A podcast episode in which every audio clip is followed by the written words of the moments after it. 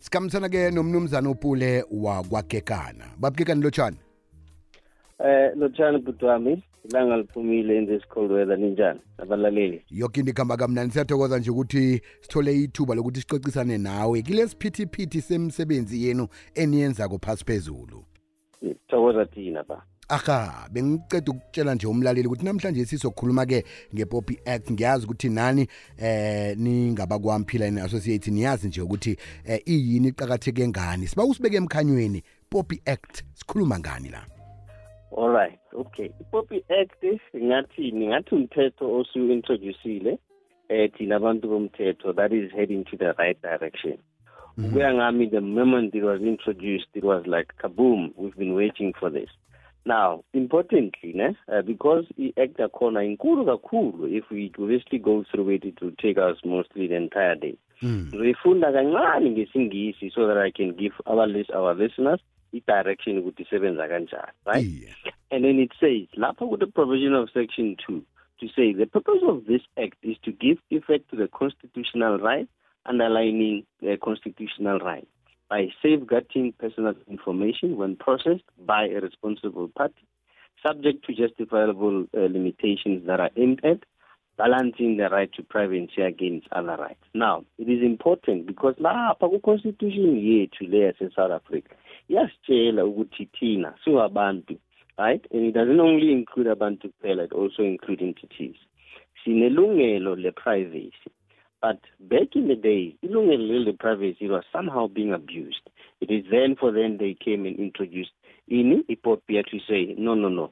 Look there's what we call a lacuna in law wherein kun- kunomgodi there's a gap in wherein abantu bayazenzela ngama-personal information.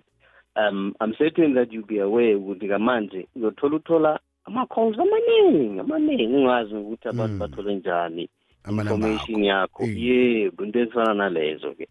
So the act it, it came into operation to safeguard ukuya phambili ukuthi from now on anyone ongangaphanga i-prior consent for anyone to publish i-information to anyone else it can be business related it can be anything.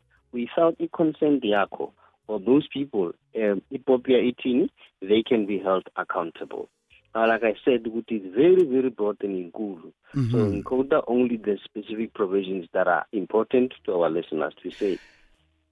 Babukekana ngiyakhumbula man. Eh eminyakeni eyadlulako bekuthiwa en thina njengoba nasinedeal nawe udlikitlile mhlawumbe ke ujoine igym njalo njalo. Batho eh thumela abanye abantu abayi-10 eh siza kuphungulela mhlawumbe imali ozayibhadela.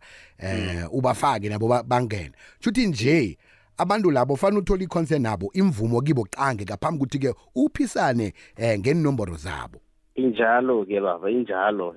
And obviously if they are now aware ukuthi wena uhamba uphisana namagama wabo without their consent they can come and hold you accountable because iyakhuluma lapho from i-provision of i-section 100 up to 108 iyakutshela ukuthi what is it that can happen to you?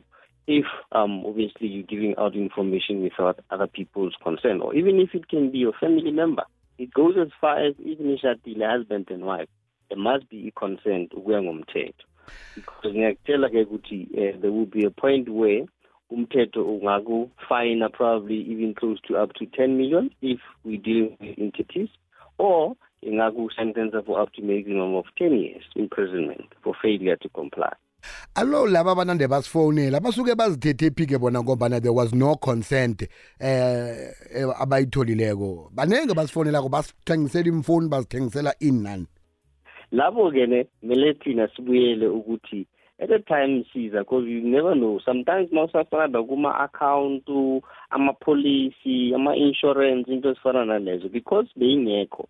The provision le yepopian beyingasi too enforceable. Abantu they would say eh singacela ukuthi siphe abanye abantu mhlambe if sinama-promotion into ezifana nalezo. Then wena masewuceda uwumuntu ekuconcern uthi yes. So that's where bathola information leyo for marketing purposes. But manje it's very stricter and they will see to it ukuthi should any of ama-entities benza kanjalo without your consent you can also hold, hold them accountable. So isho ukuthi they bathola kuphi from back in the days when we started engaging into any agreements where else angisho kaningi thina we don't look into those fine prints we tell Iye. ukuthi we've already consented.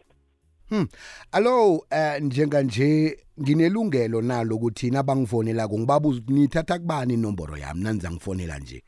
Ngaphambi Yebo, ukuthi una- sikhulume. Yes yebo unalo ilungelo and i would advise abalaleli ukuthi if they're getting such disturbing calls what they can do they need to go back into what they've subscribed and then babuyele bacele ukuthi uku-update whatever consent forms that they've signed with the respective entities so that to limit ama-calls afana nalawo. But yebo yona unawo amalungelo because it says what? It, sa- it safeguard ini i-right to privacy so that it can be balanced asiye kuma-social media ku-whatsapp eh kunomuntu okhona egrubhini kade egrubhini bamtshela ukuthi thumela eh umlayezo lo ebantwini abayi-50 bese uzokuthola isipho sasimahla. Ngiyakhona ukuthi onjalo ngimbambise ngombana akakabuza ukuthi mina ngiyayifuna nayo into leyo. Ngibona mina sekuthunyelwe umlayezo othi eh ubani bani ukuthumela ukuthi nawe ngena la. Kanti yena uyazi ukuthi uzokuzuza L- loyo-ke ngidlula njani kuye? Ngiyakhona ukuthi ngimbophise namtshana ngifanele ngibuyele kuye. Ngithi ye baba kanti wenzeni la? Yebo lo yakhona ukuthi umreport to relevant authorities. I think uh, ngamanje nayo i-whatsapp iyazama ukuthi ibe popia compliant as far as i understand kuma-latest updates laba abantu-ke sibathola kaningi ku-social media baningi and i'll tell you and advise ama-listeners ukuthi should bathole into ezifana nalezo. They can approach the relevant law enforcement officers bazoreporta ama-crimes afana na anje wherein people we uyazi into lezifana nabo-bitcoin as, as well. Abo-forex iye basitradisa forex la into ezifana nalezo.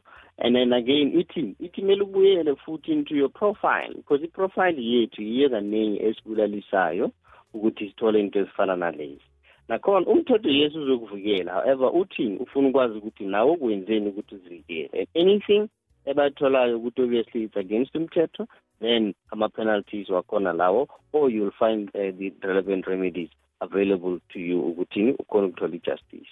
Mnumzane kekana sithokoze khulu kwamambala. Umuntu ofuna isizo ngendaba esicoca ngayo namhlanje sinamtshana-ke afuna isizo ngokhunye okuphathelene nomthetho unithola njani alright thina usithola kuwebsite yethu uh, ethi mpela and associate attorneys uh, the moment uyisenza kanjalo izovela iwebsite yethu. And then sinama-offices ebrobesdown pretoria and nase-limpopo. And then inumber yethu bangasithola ku-zero one two five um four five two nine two six zero.